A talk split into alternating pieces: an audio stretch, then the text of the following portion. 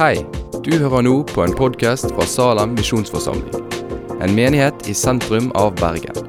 Vil du vite mer om oss eller komme i kontakt med oss, gå inn på salem.no.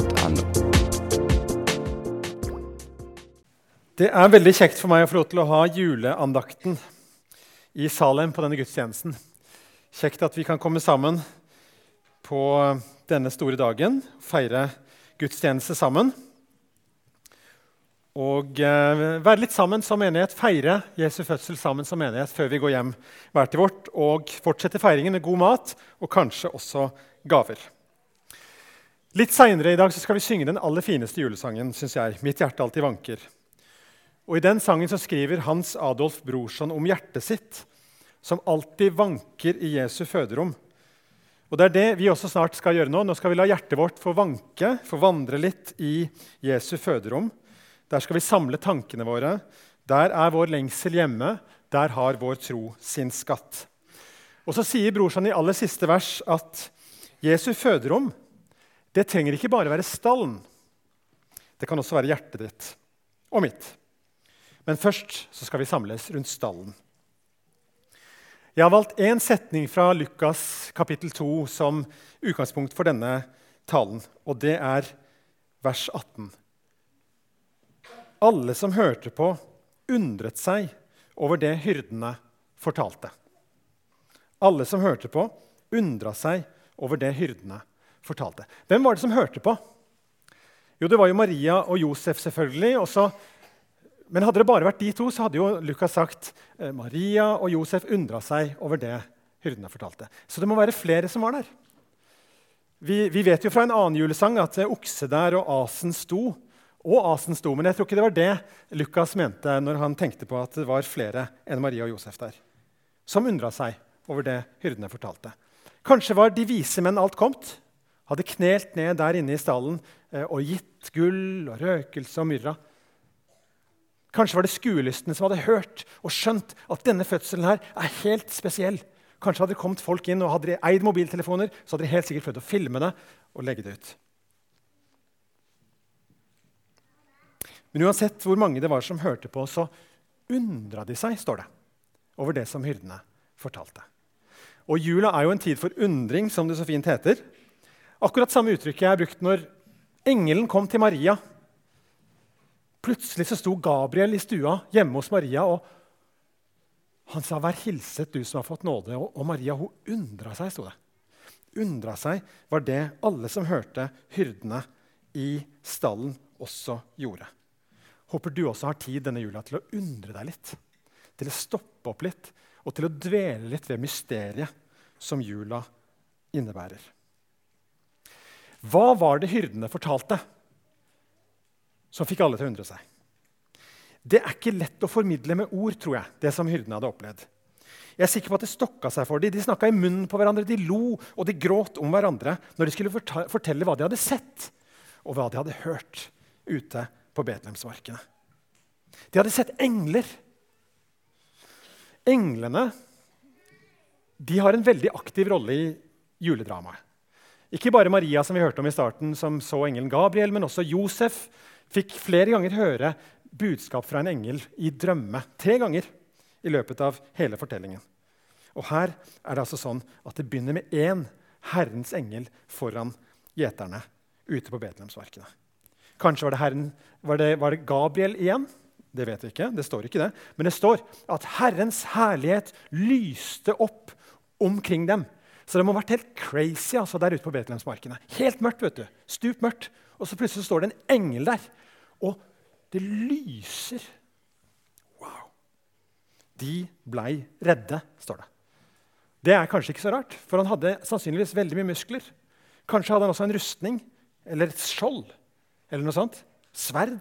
Vi vet ikke det. Men det var en, litt av en opplevelse. Hyrdene de er ofte portrettert som litt enkle mennesker.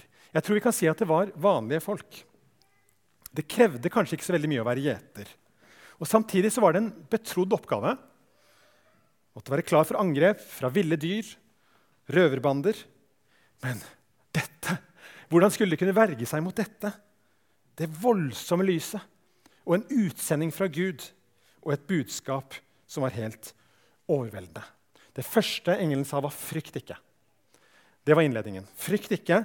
Se, jeg forkynner dere en stor glede, en glede for hele folket. Og så kom hoveddelen. I dag er det født dere en frelser i Davids by. Han er Messias, Herren. Og så kommer avslutningen. Og dette skal dere ha til tegn. Dere skal finne et barn som er svøpt og ligger i en krybbe. Hva betyr svøpt? Det betyr pakka inn. Jesusbarnet var pakka inn av Maria og lagt ikke under juletreet, men lagt i en krybbe. Svøpt. Er det noen som har begynt å pakke inn julegaver allerede? Har du det? Det er noen som syns det er veldig morsomt å gi julegaver. Og så er det noen som syns det er veldig morsomt å få julegaver. Er du helt ferdig? Pakka opp alt? Har du pakka opp alt? Nei, sant? Pakka inn. Og det som er så kult med sånn pakking, vet du, det er at det blir hemmelig. sant? Det blir hemmelig hva som er inni. Noen pakker er myke, noen pakker er harde, noen pakker er små, noen pakker er store. Noen pakker er dyre, og noen ser bare dyre ut. Sant? Sånn er det med de pakkene. Men vi ser ikke hva det er, for det er hemmelig. Og for mange så er det sånn med pakken Jesus, som Maria pakka inn og la i en krybbe, at de har ikke åpna den ennå. Så de vet ikke hva den er. Og det er litt trist at det ligger en sånn uåpna pakke. Den må jo åpnes. Den må jo det. Den største gaven i jula, det er Jesus. Pakka inn av Maria lagt i en krybbe. For disse her gjeterne ute på Betlehemsmarkene de trengte et tegn. For det kunne jo være at dette bare var en drøm, at det bare var et syn. At det bare var en, en, en, en fantasi de hadde. Det kunne være at noen lurte de, kanskje. At det var en prank, på en måte, som ungdommene ville sagt. Men det var ikke det. Det var noen som mente det de fortalte. Og så sa de dette skal dra til tegn. Når dere finner stallen, så skal dere finne et barn som er svøpt. Og noe veldig rart nå, det ligger faktisk i en krybbe, et sånt tau som dyrene spiser av. Hva mer sa engelen? Hva mer var det han sa? Han sa han er frelser. Det er et ufattelig ord.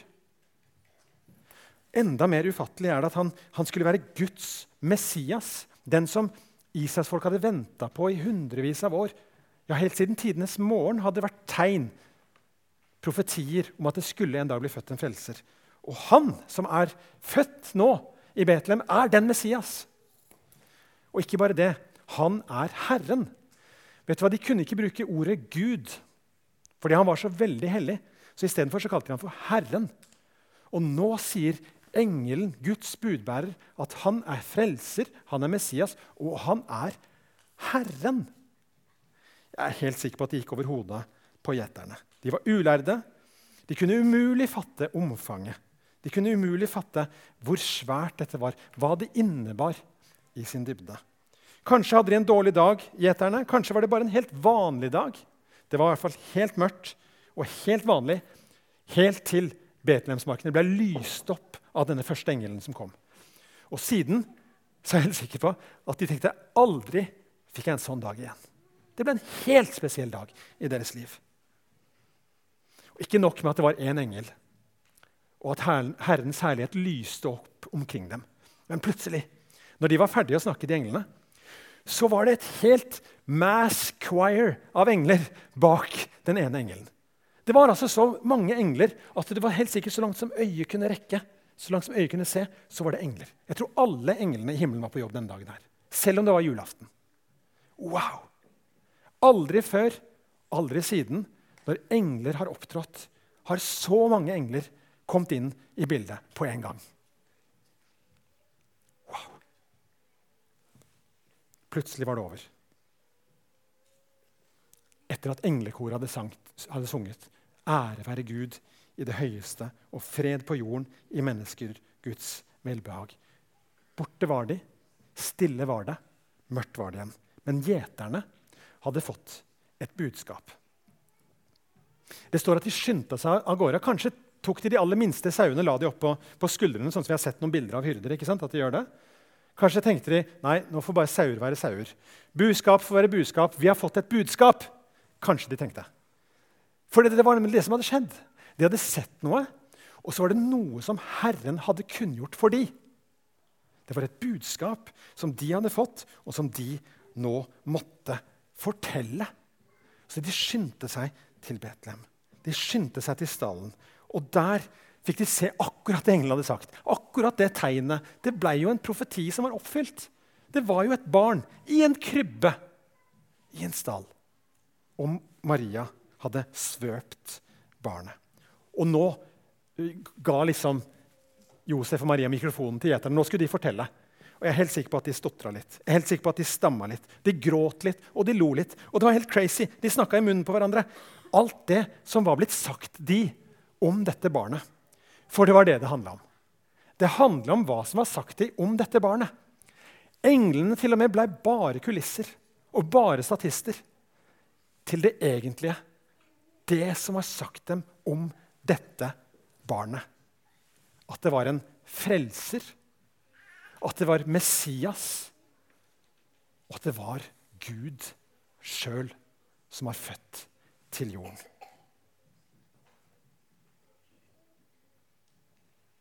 I dag er det født dere en frelser. Ja, ikke i dag, da, men for 2000 år siden er det født dere en frelser. Han er Messias, Herren. Han er deg en frelser, og han er meg en frelser.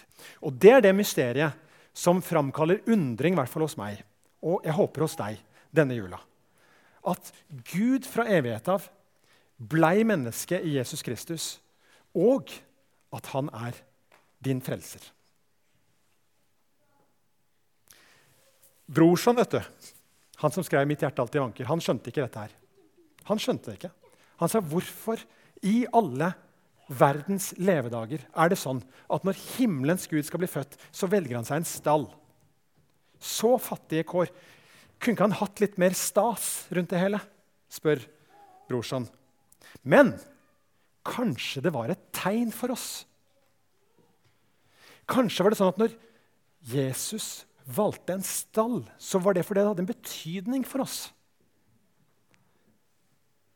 Jeg tenker at når Jesus ble født i en stall, så er det håp om at han ikke trenger et slott for å kunne bli født her inne, i hjertets dype grunn. Amen.